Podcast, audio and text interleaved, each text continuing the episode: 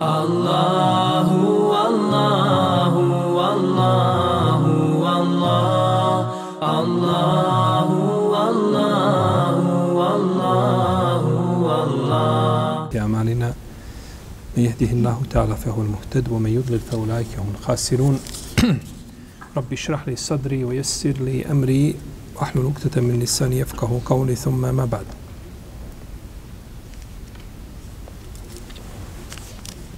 Mi smo u naša dva zadnja predavanja govorili ili počeli sa ajetom wa الْحَجَّ وَلَمْرَةَ wal umrata lillah. Smo dva ili jedno? Dva. Nismo daleko odmakli fenu sirtum مِنَ الْهَدِي min al. Ali ćemo požuriti, moramo završiti. Nećemo večera završiti ajet, ali moramo ga završiti, ovaj, pošto nećemo ovako, ako budemo išli polako, nema nas nigdje. A, fe sirtum fe mestej sar min al hedi. A ako budete spriječeni, onda kurban koji vam se pri ruci nađe, do koga jednostavno možete doći, zakoljite. Asabi su nakon šest godina boravka u njima dragoj Medini, ali koja se ne može porediti s Mekom, prvi put krenuli prema Mekki. Nakon hijdžre. Govorimo onima koji su činili hijdžu s poslanikom, sa osalme, ili u to vrijeme. Pa su krenuli na umru. Prvi put krenuli prema Mekki, Znači, čovjek ode da posjeti tetku mjesec dana u Njemačku i ne može dočekati da vi oslati u Sarajevo. Ili, ne znam, u Tuzlu ili u Mostar ili odakle već dolazi iz ljubavi prema svom rodnom gradu. A šta mislite onda o ashabima poslanika sa osaname koji su Meku voljeli više od bilo čega drugog? Pa su krenuli prema Meki. Međutim, a bili su spriječeni da nastave put. Pa je ovdje uzvišeni Allah za dželu ovom majetu spomenuo propis onoga ko krene da obavi jedan od obreda i bude spriječen.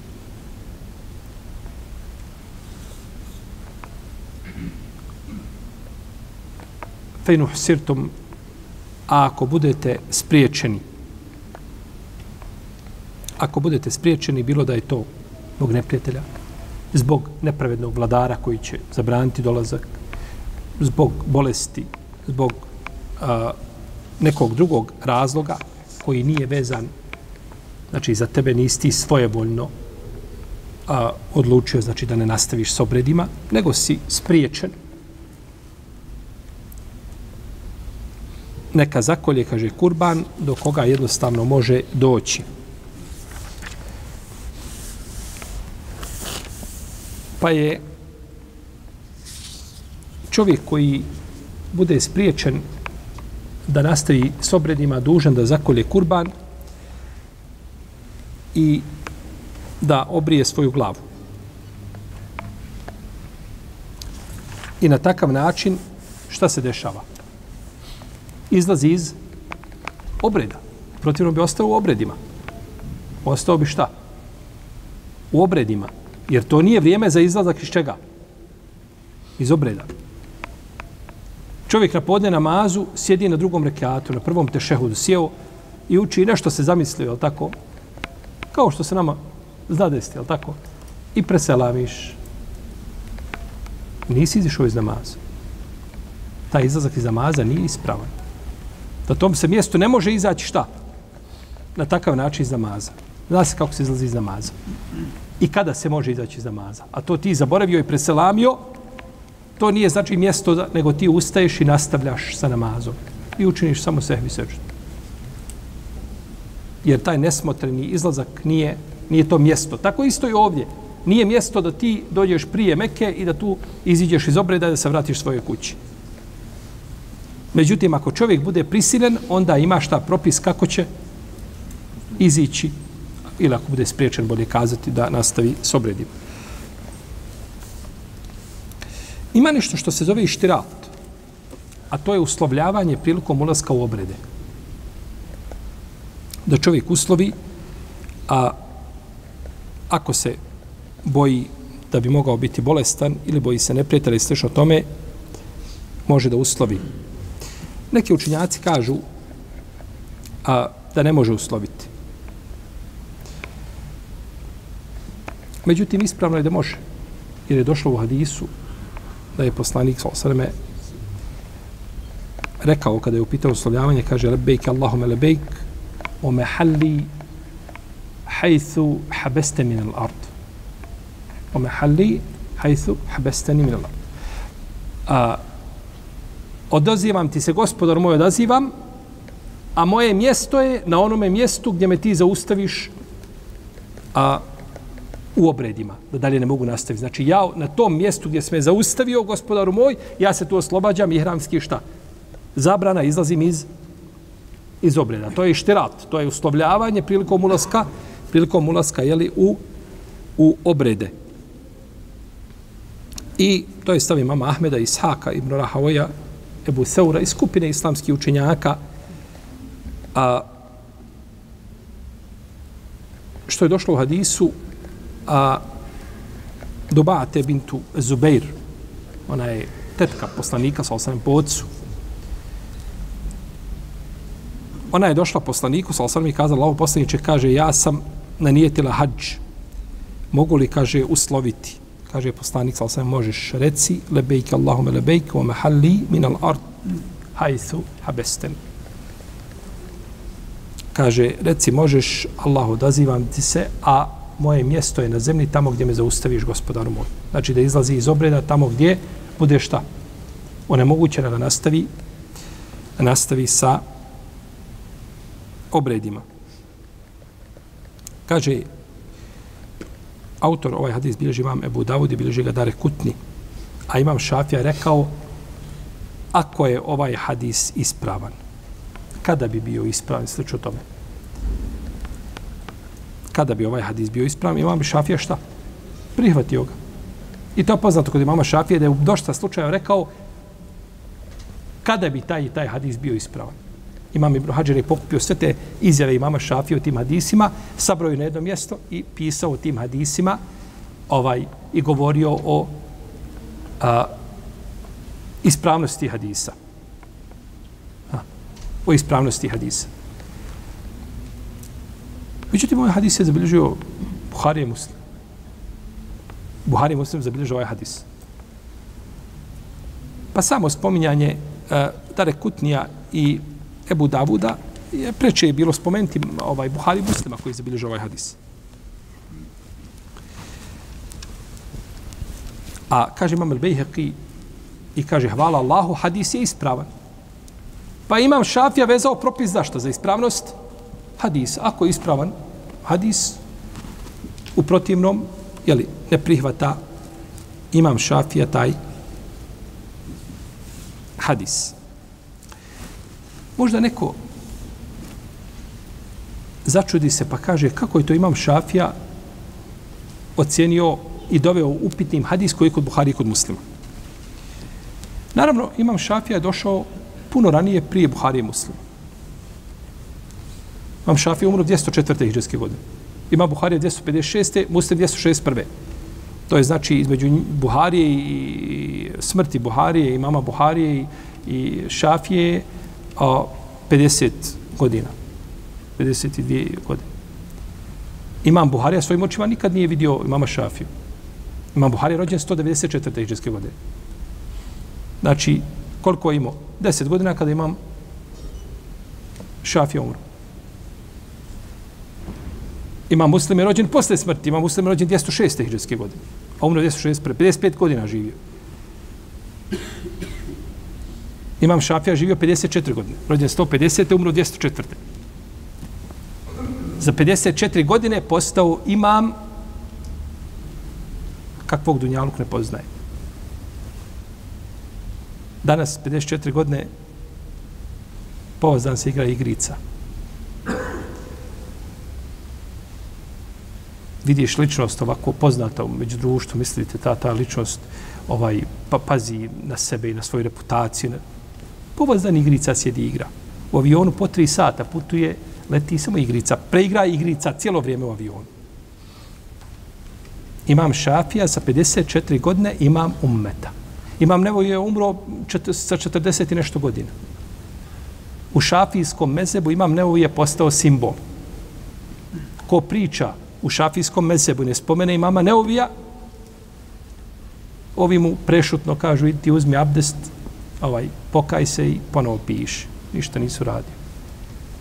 Imama Neovija nisi spomenuo, naravno govorimo o kastim, ne govorimo o Maverdiju ili Ebu, Ebu e, Meali ili Džuvejniju i ne znam, o Gazali, oni su došli prije Neuvije.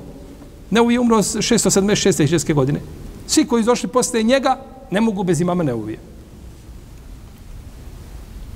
A umro kao mladić. Nije se ni oženio bio nikad. Nije se ni ženio. Rahimehullahu ta'ala.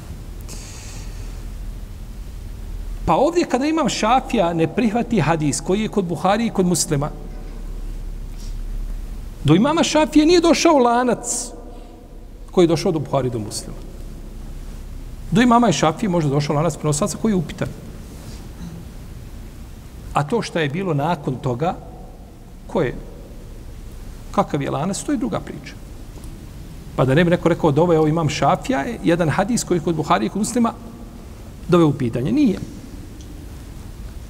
nego lanac koji je došao do imama Šafije je bio takav, pa je znači, taj hadis bio kod njega, kod njega upitan.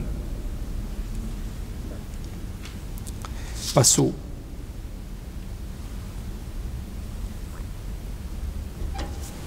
Buhari i Muslim znači došli kasnije. Oni su jedan i drugi učenici, Buhari i Muslim učenici Imam Ahmeda. A imam Ahmed je učenik čiji? Šafi. Šafi je učenik Malikov. Znači, Šafija bi u ovom slučaju bio učitelj učitelja Buharije i muslima.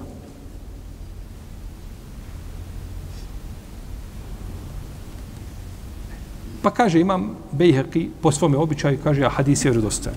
Imam Bejherki učinio uslugu imamu Šafiji ne zna se da je učenik učinio ikada ili sledbenik, bolje kazati, nije bio njegov direktni učenik, jer imam Bihri umro e, 658. hiđarske godine, to je znači posle imama Buharija na dva i po stoljeća. Ovaj, on je učinio uslugu imamu Šafi kakvu nije učinio niko sledbenika svome učitelju. Kako kaže Ebul Meali ili Džuvajni, kaže sve jedan šafijski učenjak je dužnik imamu Šafiji Osim, kaže Bejhekija, Šafija je njemu dužnik. Jer je, kaže, pomogao njegov mezheb i to, znači, s argumentima i dokazima. Čak je napisao knjigu o razilaženju između Šafije i Ebu Hanife u osam tomova, ovolika knjiga. Bez posebne valorizacije. Jedan šeh je radio tri, tri toma te knjige valorizaciju, kaže da sam nastavio, došla bi 80 tomova. O razilaženju između koga? Ebu Hanife i Šafije i da pomogne čiji mezheb? Pa Šafije. On je Šafije. Da pomogne mezheb je ova Šafije. I knjige koje je napisao kao veliki sunen, mali sunen, Šoboliman, Delajlu nubuva, eh, El Hilafijat koji je napisao, El Mebsud, El Etekad, El Basu on Nušur. Eh, odlike imama Šafije imao dva toma. Odlike samo imama Šafije pisao u dva toma odlike svoga imama. I brojna druga djela koja je napisao, rahimehullahu ta'ala. Uglavnom, imam Bejheki kaže i ovaj hadis je ispravan. I ovaj hadis je ispravan. Imam Šafija rekao u svom dijelu Džimaul ilm kaže nemoguće je da jedan čovjek obuhvati cijeli sunnet poslanika sallallahu sallam.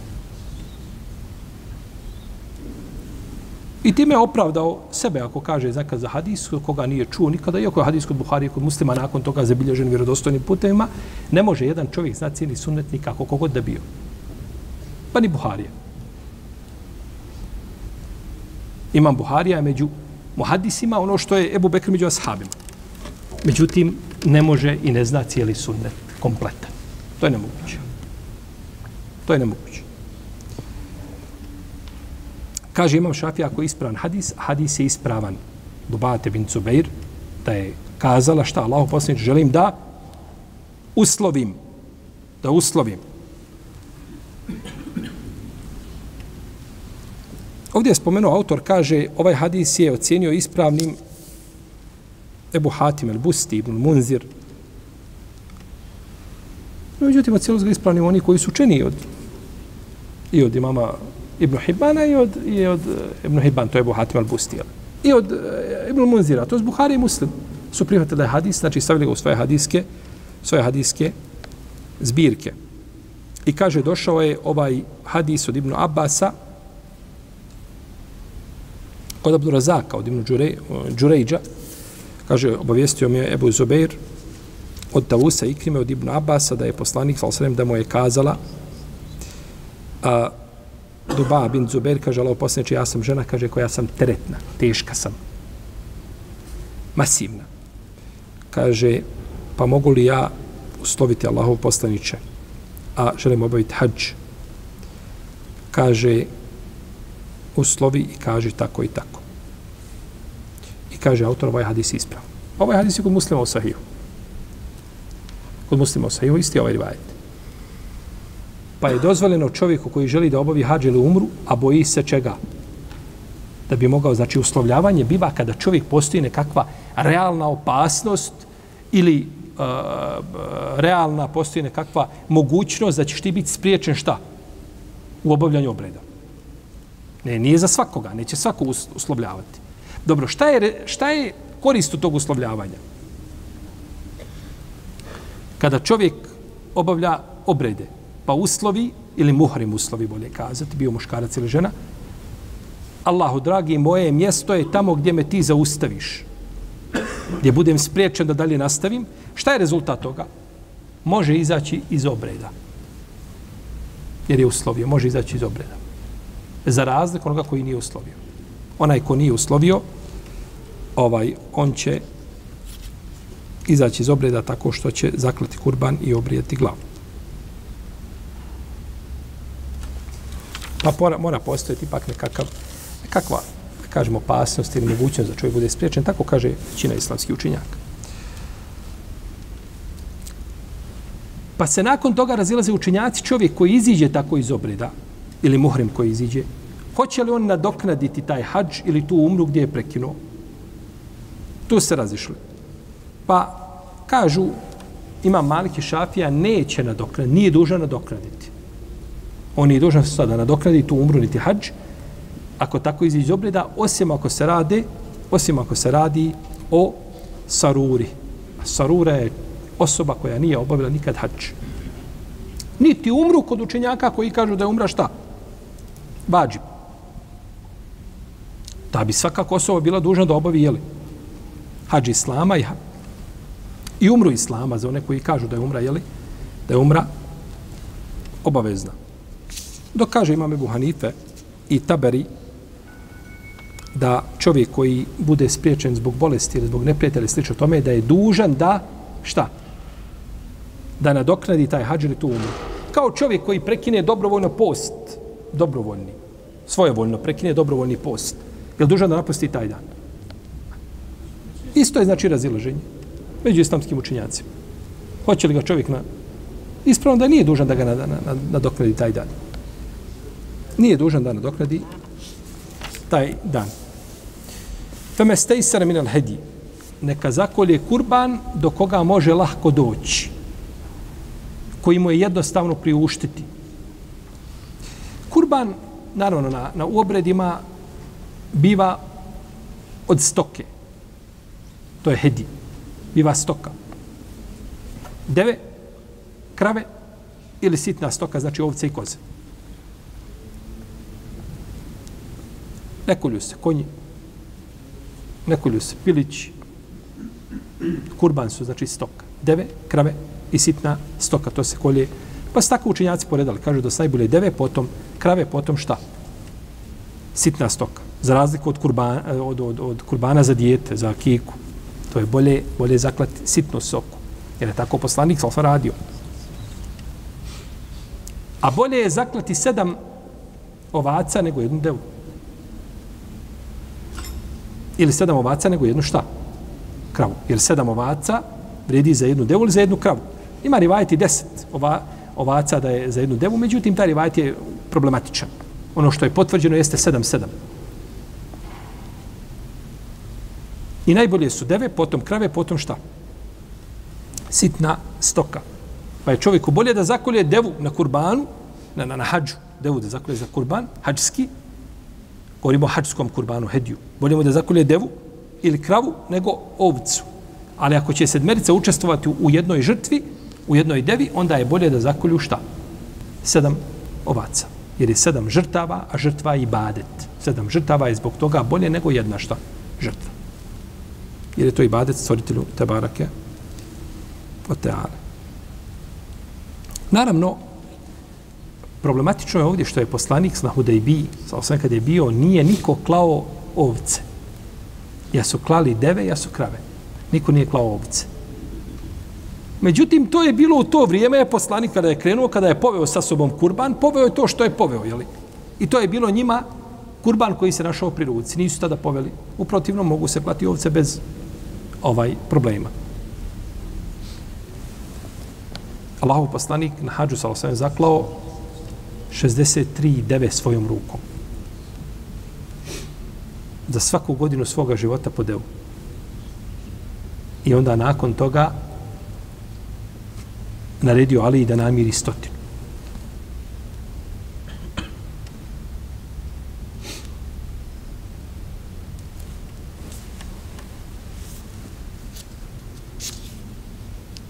Ola tahliku ruusekum hatta jebluga l'hedju mehilla. I nemojte svoje glave brijati dok kurbani do svoga mjesta ne stignu, dok ne stignu na svoje odredište.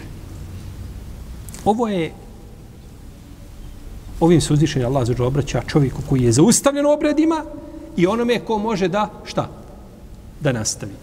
I jednima i drugima, neki učenjaci kažu, ne, ovo je samo vređano, vezano za one koji, se, koji su spriječeni, međutim, ispravno je da se odnosi i na jedne i na druge, da ne briju svoje glave dok, znači, ne stignu kurbane na mjesto gdje će biti zaklani. Jer je tako činio poslanik sa osam na Hudejbiji. Tako je činio poslanik sa osam na Hudejbiji. Kaže imam Ebu Hanife, a kurbani se kolju u haremu. Onome ko bude spriječen da obavi hađi ili umru, klanje, klanje kurbana biva u haremu, unutar zaštićene zone, koja je znači na domak samog ulaska u Meku. Ili je već Meka širi se polako i van granica van granica harema. Dok kažu drugi učenjaci, poput imama Malika i Šafije, čovjek kada je spriječen obredima, kolje kurban tamo gdje je šta? Da ustavi. Dobro. Spriječen da obavi obrede. Kako može poslati, kako može onda kurban klati unutar harema, a on zaustane kao na hude, hude i bija nije od harema, definitivno. Ne pripada haremu, niti blizu harema. Gdje je bio poznati sporazum na Hudejbiji. Kako je mogao, kako onda može Ebu Hanife kazati kolje se unutar harema? Pa Ebu Hanife kaže ti si spriječen, drugi nije spriječen, drugome je dozvoljeno da ide. Ti si bolestan, drugi nije bolestan. Tvoj kurban, pošalješ svoj kurban i tamo biva zakon.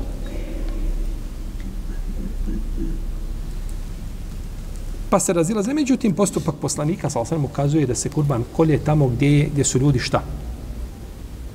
Zaustavljen. Tamo gdje su ljudi, znači, zaustavljeni kako je bilo, znači, na Hudejbiji a Hudejbija, kažemo, nije od harema.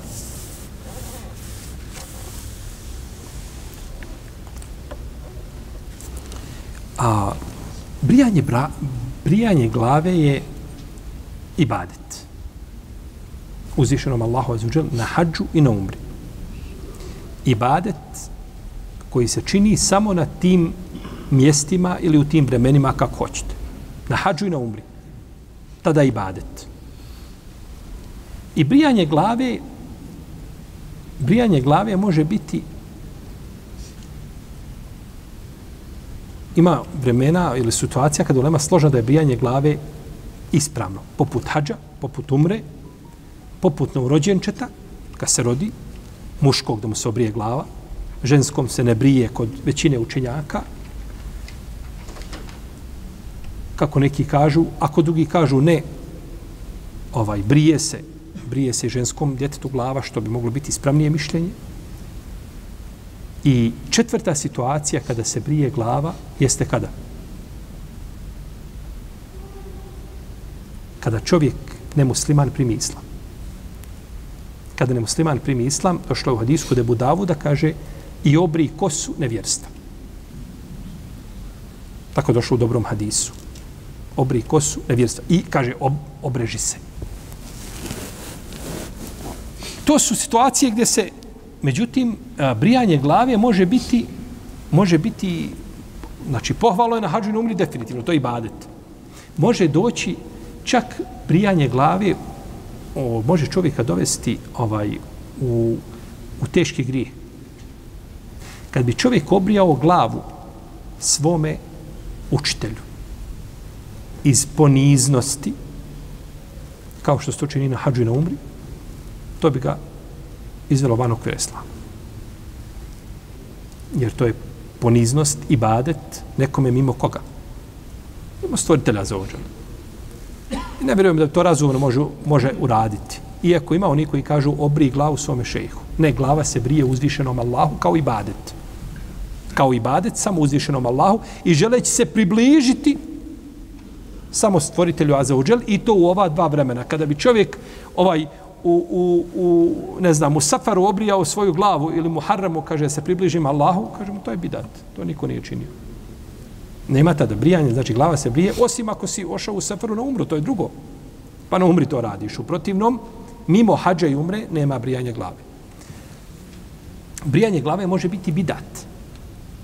Kao što to čine Haridžije.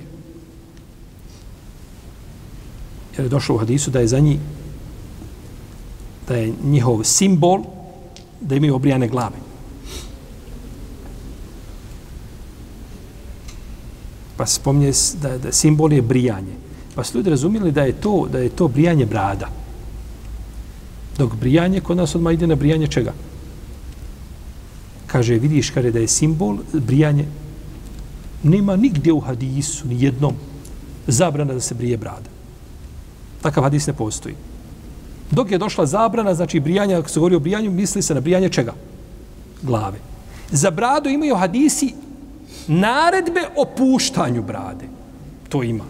I kod Buhari, i kod muslima, i kod ostali. Rezultat može biti jedan. Ali nema hadisa u kome se kaže i zabranjeno je brijati brade, i nemojte brijati brade i tako dalje. Nego puštajte brade. Nemojte oponašati. Tako. A nema hadisa o zabrani, iako rezultat može biti šta? Evo sad ne kaže, čuli smo večeras da Allahu Ekber, dozvoljeno. Ne, naredba je došla u puštanju, što rezultira obavezom tog čina. Ali čovjek kada želi pripisati nešto poslaniku, salasaname, što se tiče propisa, mora znači biti tu precizan pa da pripiše ono što je Rasulullah salasaname rekao.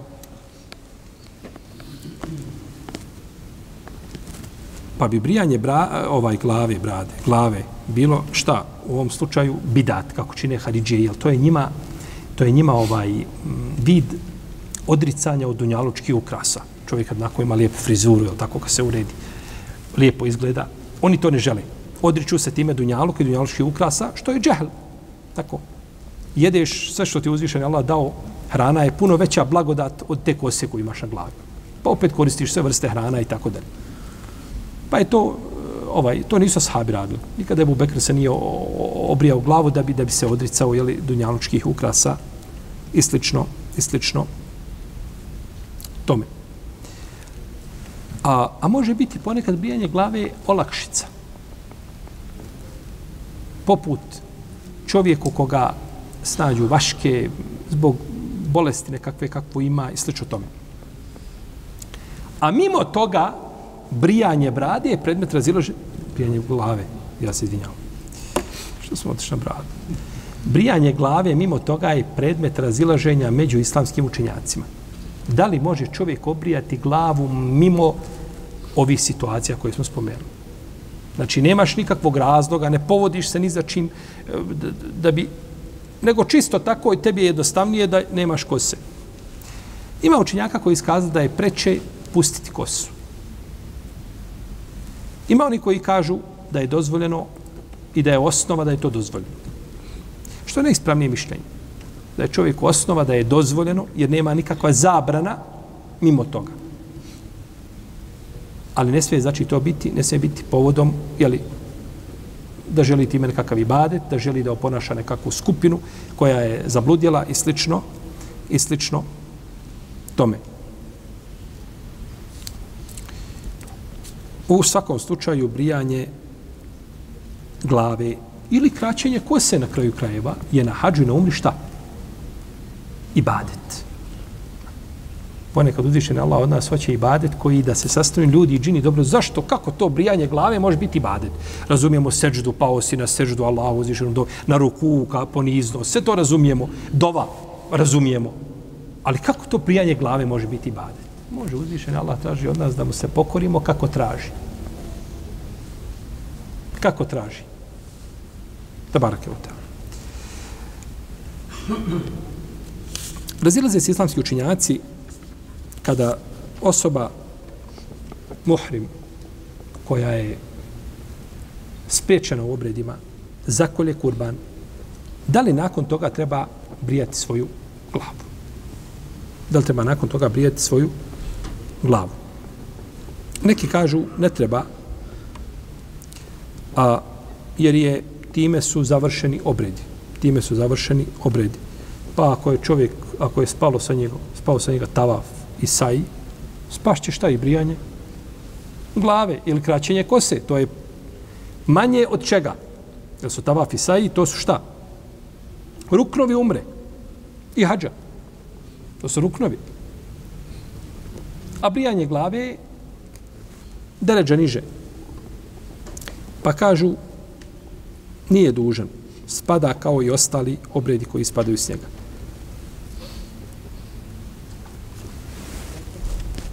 To kaže imam Ebu Hanife i Muhammed ibn Hasan Šeibani, rahimahumullahu ta'ala. Dok imam Šafija, ima dva mišljenja u vezi s tim. Imam Mali kaže, ono što nije spalo, ono što čovjek može uraditi, uradit će. Spada s njega obaveza da čini ono što nije omogućnost mogućnost da učini. Poput tavafa, poput čega? Saja, jer ne može doći do harema, spriječen je da priđe. A ono što može učiniti, uradit će i to ne spada, obaveza toga ne spada, znači, sa njega. Ola tahliku rusekum hatta jebluga l'hedju mehille. I nemojte kratiti, nemojte brijati svoje glave dok kurbani dođu do svoga mjesta. I poslanik je sa osvijem dobio ljudima koji su obrijali svoje glave tri puta, a onima koji su skratili kose jedan put. Pa je brijanje glave na hađu na umri puno vrijednije od kraćenja kose. I došlo je u najprostojnim hadijskim zbirkama od Ibn Omara da je poslanik, sam dobio, Allah se smilovao onima koji su obrijali svoje glave i onima koji skratili. Allah se smilovao onima koji su obrijali. I oni koji skratili, Allah se smilovao onima koji su obrijali. I onima koji skratili, Allah posl... kaže onima koji skratili. Pa je tri puta dovio, znači, jel, međutim čovjek ponekad u obredima, zbog radnog mjesta na kome se nalazi, jel tako, zbog situacije u kojoj se čovjek nalazi, neće da obrije glavu, nije problematično. Nije učinio nikakav prestup. On je uradio što ostavio, izbjegao je, a, nije sebi priuštio nagradu koju je mogao dobiti. U protivnom što tiče obreda, ispravno se. Ne možemo niko prigovoriti. Nema pravo niko da mu prigovori, jer dok su ovi ashabi govorili ovdje Allahu poslaniči onima koji su skratili, je li bilo među njima oni koji su skratili samo? Je li bilo ne nije bilo? Po definitivno, razumije se tako, zbog čega bi dobila Allah poslaniče kada nema među nama oni koji su skratili. To, oni su van, van tog značenja.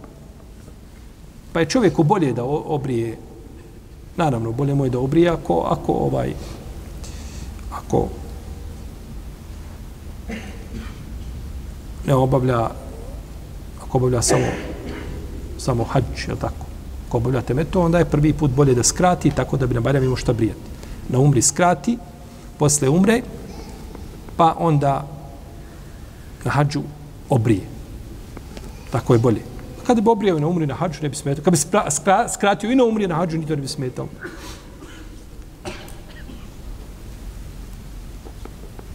Ali eto, zbog dove poslanika, sam sve preče da se obrije.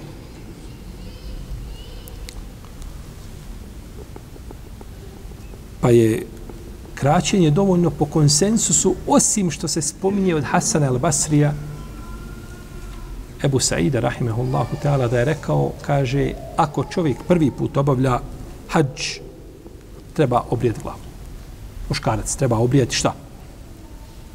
Glavu. Međutim, nije to mišljenje ovaj, nije uh, ovaj poduprto dokazom. Tako da je mišljenje apsolutne većine ispravnije. Naravno, žene ne ulaze u ovaj propis brijanja glave. Ne ulaze u propis jer je došlo u hadisu Lejse ala nisajl halq innama alejhinne taksir. Žene, kaže, neće brijati svoje glave, one krate svoje kose. Imam Ibnu Hajar, a prije njega imam Neu i kaže da je ovaj hadis dobar, da može proći. Ima neki koji su prigovarali, međutim, ispravno da ovaj hadis može proći. I to je poznato s generacije na generaciju je prenešeno tako da žene nisu nikada brijale šta svoje glave.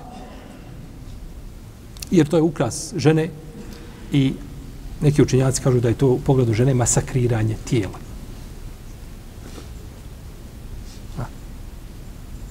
Da ne govorimo o čovjeku koji je vašao da prosi, momak da prosi djevojku, sa ženi kaže, jesi, ja sam obrijala glavu. Rekao bi, koliko treba da kosa naraste? Treba šest mjeseci vidimo se za šest mjeseci doći da prosi. To je, pri, to je kod žene ukras, je tako? Ukras, kosa, od osnovnih ukrasa i zato ga pokriva. Zato pokriva kosu bez razilaženja među lemom.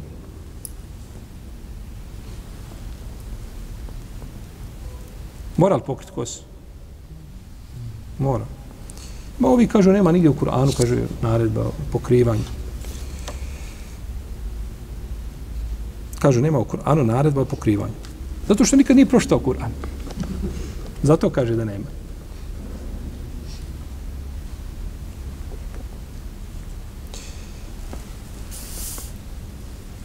Dobro. Znači, žene ne ulaze šta ovaj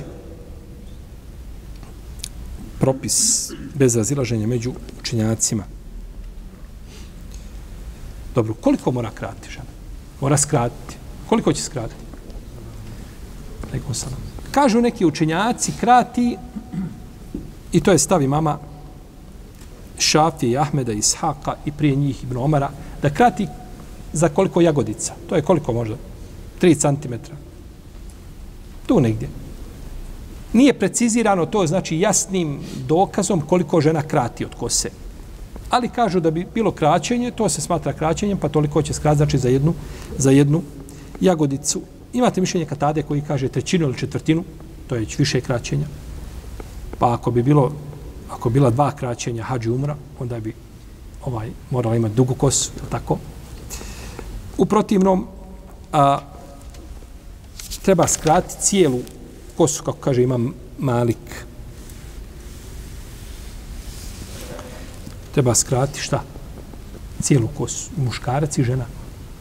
Tamo vidjet ćete ljude kad završavaju saji na mervi, gore sedmi krug, tamo u stranu stane, ima jedna, jedan drži makaze i drugi samo dođe i čopne ga. Ovdje čupirak ovdje čuperak, ovdje čuperak, sa dvije, tri strane, četiri, pet, nije bitno, po čuperak i on je skratio kosu i ode kući. U redu. Ti poslao svoga sina kod frizera. Pet maraka mu dao, kada je sine, ide neka to šiša. Vratio se mali, a frizer mu čopnuo. Malo. Evo, kaže, ja sam njega uredio, ne može biti ljepši. Bil ti to prihvatio kao staratelj? Pa dobro, kako možeš uzvišenom Allahu činiti ibadet, a ti sam to ne bi tako prihvatio po tim ljudskim kriterijima? Treba skratiti cijelu kosu. Tako i žena da uzme kosu, znači, ili po dužini, kako već da skrati, nije bitno, uglavnom mora skratiti cijelu kosu. Imam Ibn Monzir kaže nije to definisano koliko se krati, koliko god da skrati, a smatra se kraćenjem, kaže to može proći. Međutim, ovo mišljenje prvo što smo spomenuli u, u ovaj, da to bude za koliko jedna jagodica prsta, možda bi to moglo biti ovako a, mišljenje koje bi se preferiralo bez posebnog dokaza. Jer to se smatra kraćenjem, a u isto vrijeme nije žena šta? Ovaj, nije naređeno kao, kao mišljenje katade da skrati znači jednu trećinu kose, jer trećina, trećina je puno.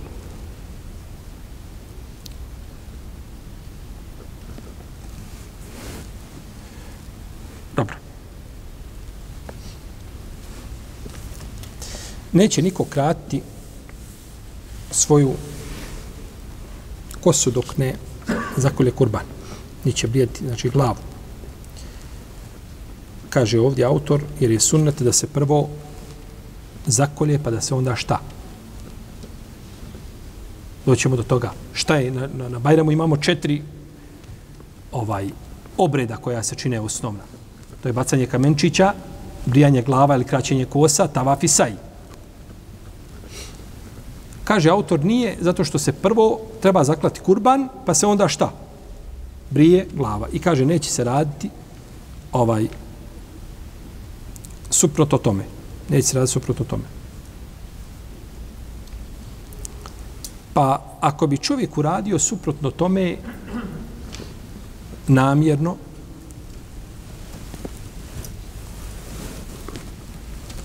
učinio bi prestup. Za razliku onoga koji to uradi iz neznanja i koji to uradi nesmotreno. Međutim, kaže autor, ispravno je da se može izmijeniti ovaj redoslijed. Pa je rekao suprotno malikijskom mezhebu. I to je tačno.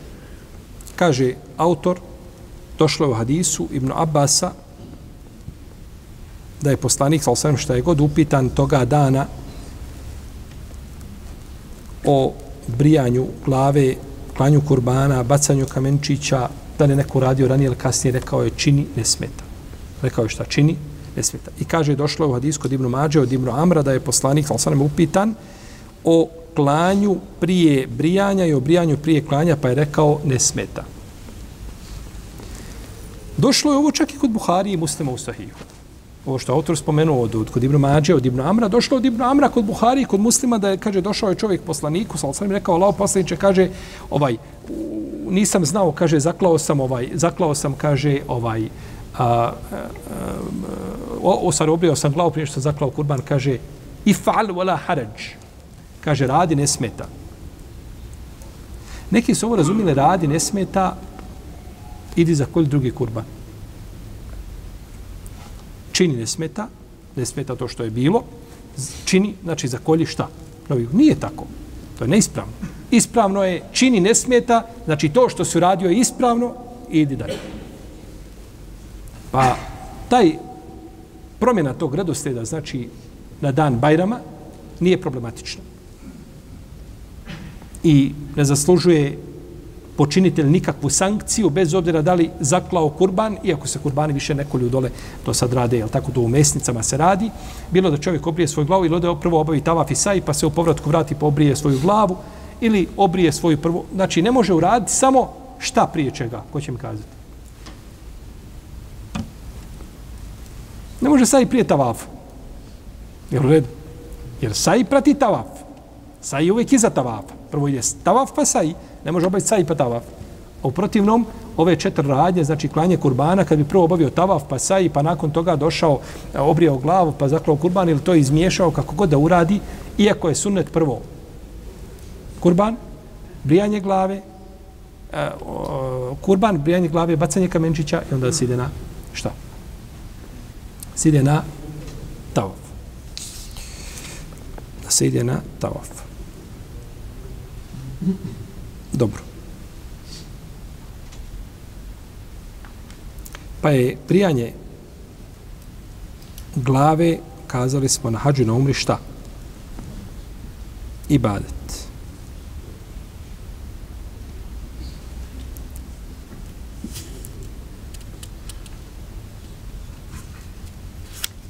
فمن كان منكم مريضا أو به أذى من رأسه ففدية من صيام أو صدقة أو نسك a onaj ko među vama se razboli ili ga glavobolja muči, neka se postom ili milostinjom ili kurbanom iskupi.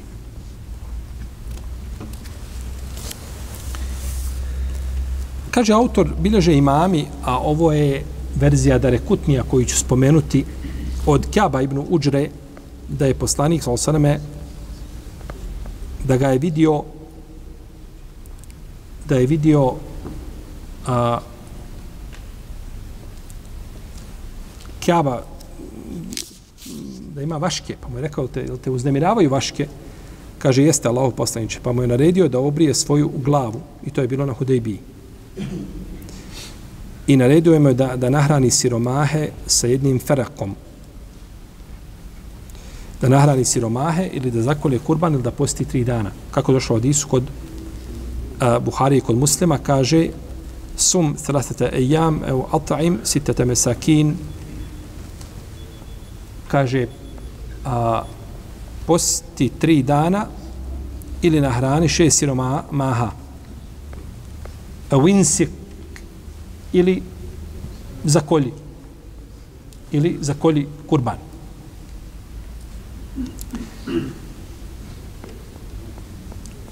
Ovaj hadis što je spomenuo autor od imama Dare Kutnija, on je kod Buhari i kod muslima. I bilo bi zanimljivo napraviti jednu studiju zbog čega je imam Darekutni davao prednost, ovaj imam eh, Kurtubi davao prednost sunenu Darekutnija i navodeći njegove rivajete puno, iako sunen Darekutnija u odnosu na, na da ne govorimo Buhari i muslima, četiri sunena, da je na puno nižoj dereči. Sahih ibn Hibbana, Sahih ibn Huzeime, sve to ispred Dare Kutnija. Dare Kutnija je umro 385. iđeske godine, ali ibn Omar, Eh, Darekutni, rahimahullahu ta'ala, on jeste bio veliki hadijski stručnjak, ali je došao relativno kasno. Pa su njegovi lanci prenosaca dugi. I govorili smo ovdje o sunanu Darekutnija da je sunan Darekutnija još uvijek jedan zatvoreni sanduk za islamski učenjake. Da imam Darekutni svojim sunanom, ovaj, eh, postoje jedan veliki upitnik i zagonetku koji još nisu, bojim se, islamski učenje odgonetkuli do kraja po pitanju menheđa u njegovom, iako ima o tome napisana posebna studija. Međutim, imam Kurtubi, rahimehullahu ta'ala, često se fokusira na sunen koga? Da rekutnije njega spominje. To bi bilo zanimljivo napraviti tu uporedbu, znači izvući ta jel, mjesta gdje je spomenuo, a njih je jako mnogo, i vidjeti zbog čega je davao prednost Zbog čega je davao prednost imamu Darekutniju, rahimahullahu ta'ala. Kaže, na hrani šest siromaha svakog od njih sa po dvije pregršti.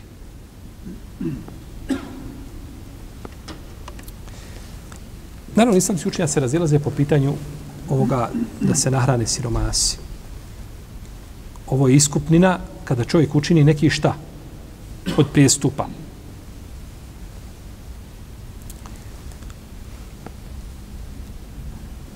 Kaže Imam Ibn Abdelbar, što se tiče posta i hranjenja, kaže većina učenjaka smatra da se posti tri dana i da se I to je došlo, kaže u hadisu. Kaba ibn Uđe, kao što smo spomenuli. Osim neki koji kažu da se posti deset dana, što je neispravno. Neispravno. Hadisu od Buhari kod muslima kaže posti šta? Tri, posti tri dana. Pa to nisu tako govorili samski učinjaci kroz generacije zbog ovoga hadisa. Znači da se posti samo tri dana.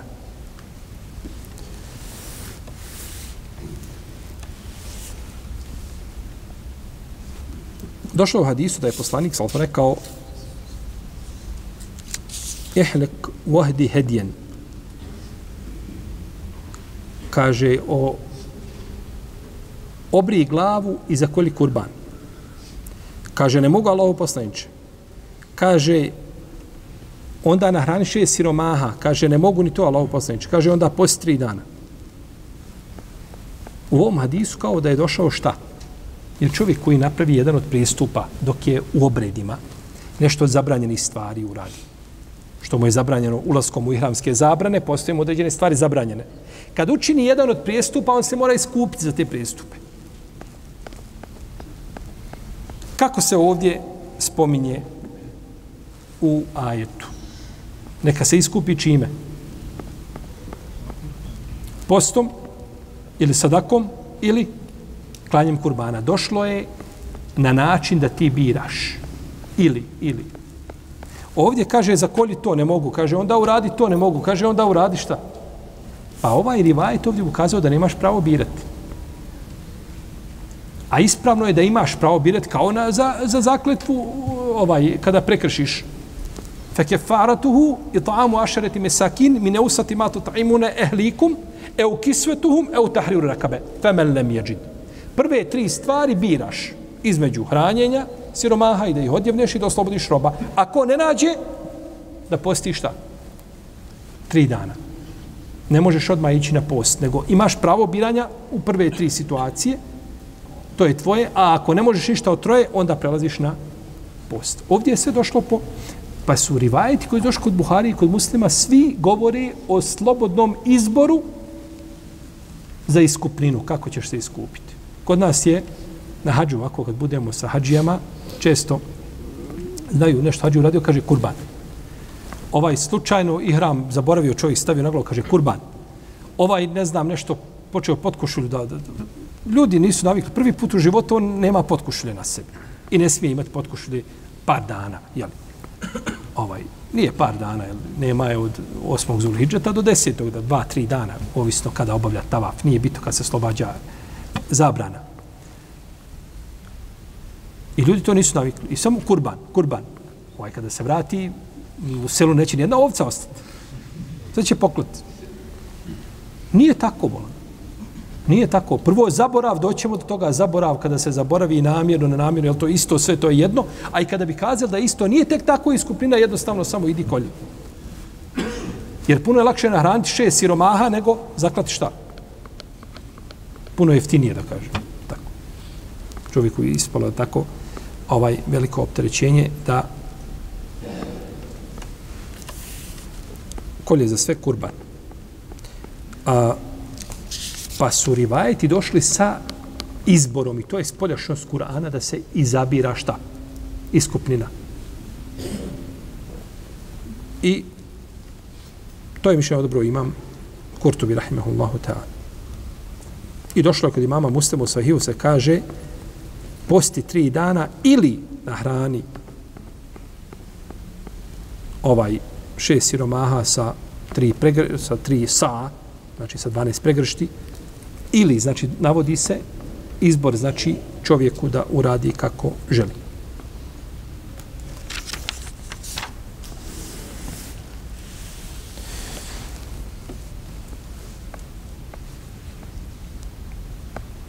Kažu ima Maliki Šafija i Buhanife da će dati svakom od šest siromaha po dvije pregršti od pregršti poslanika sa osaneme. Znači, dvije pregršti. Dok kaže imam Eseuri, ako je riječ o pšenici, idu dvije pregršti. A ako je o datulama ili o ječmu ili o grožđicama suhim, onda idu, kaže, četiri. I od Ebu Hanife se navodi u jednom rivajatu slično tome. Pa su učinili, znači, da je da su dvije pregršti pšenice, a iste kao četiri pregršti datula. Kaže, ima bilo muzir, kaže, ovo je neispravno. Ovo je neispravno. Šta? Da budu dvije pregršti pšenice kao četiri pregršti čega?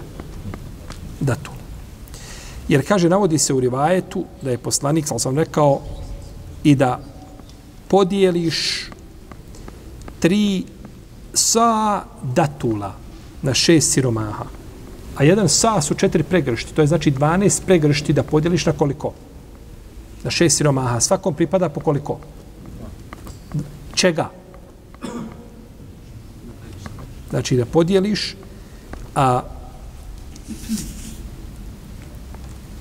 po dvije pregršti datula na šest siroma. To je 12.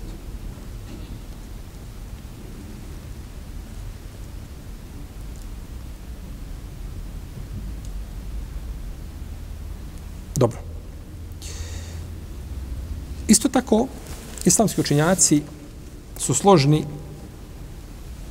da je čovjeku zabranjeno da brije svoju glavu ili da čini druge zabrane koje su znači došle i da je čovjek dužan da za to da se iskupi. Bez obzira bilo da obuče nešto što je šiveno u obliku tijela, znači skrojeno u obliku tijela, da se namiriše ima mali, kaže, ružno je ako tako postupi, dužan je da se iskupi. I, kaže, ima pravo izbora u ovome slučaju, bez obzira uradio to svjesno ili nesvjesno, namjerno, nenamjerno, s potrebom, bez potrebe, kako god da uradi, duženje, da se šta? Da se iskupi. Dok kaže Ebu Hanife i Šafija i Ebu Seur, ne, kažu, neće se, neće se, nema pravo izbora. Nema pravo izbora. Ako namjerno obrije glavu ili obuče nešto što je skrojeno u obliku tijela, dužan je da zakolje žrtvu. Dužan je da zakolje žrtvu. Pa se potom razilaze čovjek koji tu uradi na, iz zaborava, iz džehla. Ima mali, kaže, sve jedno je. Kako god uradi, on je dužan šta da? Da se iskupi. I to je mišljenje isto Ebu Hanife i Seurija i Leisa. Imam Šafija po jednom mišljenju kaže ne, ako je to uradio iz, i zaborava, nije dužan ništa i to je stavi mama Davuda iz Haka. Da nije čovjek dužan u tom slučaju ništa da uradi. Znači nije dužan se iskupi, zaboravio.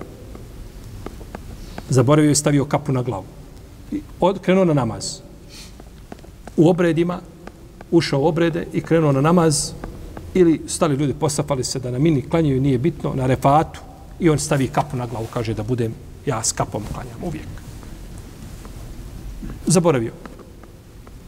Nije ništa dužan. Po ispravnijem mišljenju treba samo skinuti kad, kad, kad vidi da je to uradio, skinuti nije dužan, znači da se iskupljuje. Zaboravio, znači posebno stanje i to je najispravnije mišljenje kod islamskih učenjaka.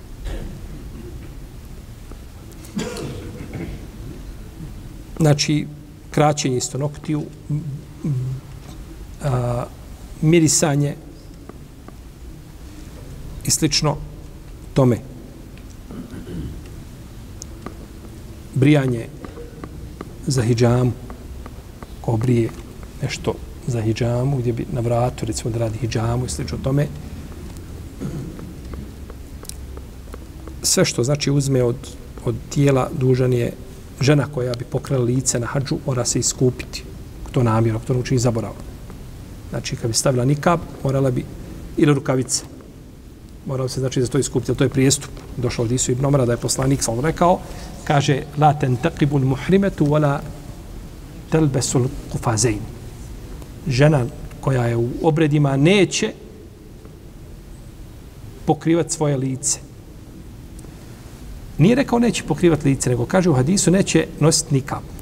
I neće obući rukavice. Pa nije zabranio da žena pokrije lice.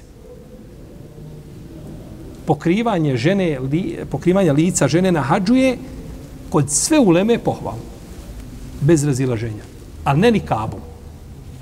Ne smije znači staviti nikab koji se pri, pri, prilepi uz lice, nego pokrije nečim što će spustiti sa vrha glave preko lica.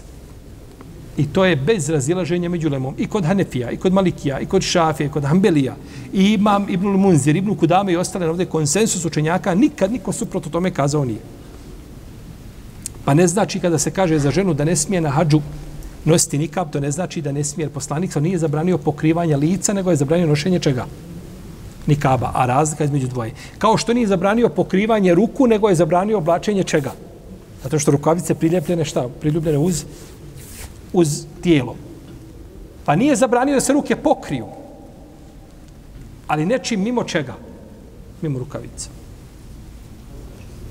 Tako da je u nama složeno tome. Tako prisiljavati žene koje imaju nešto spuštene preko lica, ovaj, a, da nije priljubljeno i zato ćete vidjeti kod šafijskih učinjaka ima da ne treba biti priljubljeno uz lice, da ne pada lice nikako, pa onda stave ovako obruč plastični. žene stave plastični obruč ili kakav već, tako da ispred njih bude ovako ovaj zastor. Nije to mišljenje jako. To mišljenje nije jako, međutim, pozivaju se na hadis da ne bude šta? Da, da ne liči ni kabu, da nije priljubljeno. U protivnom, obavezivati žene na hađu da moraju skinti zastor sa lica, ne smiju ništa imati, to je pogrešno. To nije ispravno. To nikad niko od učenjaka rekao nije. Takvog majka nije rodila. Da je rekao, mora skinti i otkriti lice da se vidi. Toga nema. Esma kaže, imam Hakim je zabilježio, kaže, radijallahu ta'ala, kaže, i mi smo, kaže, pokrivala naša lica na hađu, kad smo, kaže, kad bi muškarci prolaze pored nas. Kad nema muškaraca, digne. Kad prolaze muškarci pored nas, kaže, mi spustimo na lica. Radi Allah ta'ala. Međutim, kada bi nešto namjerno, džehl neznanje i zaborav neće obavezati muhrima na, na šta? Na iskupninu. Neće se iskupljio. A u protivnom, ako to čovjek uradi namjerno, namjerno stavi na glavu, pokrije nečim, bilo čime da pokrije glavu, ili da, da ovaj, naravno, na, u to ne ulaze kišobrani, u to ne ulaze nekakve, e, nekakve predmet koji su odvojeni od čovjekovog tijela, da se zastri, to nije problematično. Ali problem je znači da stavi nešto na glavu, da se namiriše i slično to.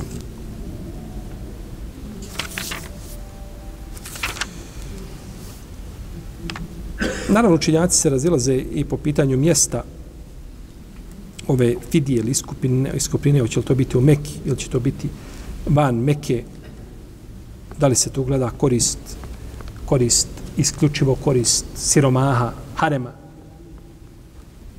kažu post može biti, neki kažu post može biti bilo gdje, o tome siromasi u haremu nema nikakve šta. Korist, gdje god postio za siromaha u Mekije, to isto. Ali, ako, ali nahraniti siromahe nije isto u haremu i van harema. Jer tu je korist, tako, za siromahe koji su tu. Pa se razilaze, znači, gdje će to biti, gdje će to biti, jeli, realizirano. Kažu, fetidijetun min sijamine u sadakatinu nusuk, neka se iskupi sa postom ili sadakom ili žrtvom. Kažu, Kur'an nije precizirao šta? Mjesto. To je dokaz imamo maliku. Općenitost Kur'ana da nije precizirano znači mjesto gdje će se, gdje će se iskupiti dobro, nama je ostalo još oko ovoga ajeta. Završćemo kad završim. Šao. Allah te ala, Allah ma nabi Muhammed, wa ala alihi wa sahbihi džma. Allahu, Allahu, Allahu, Allahu.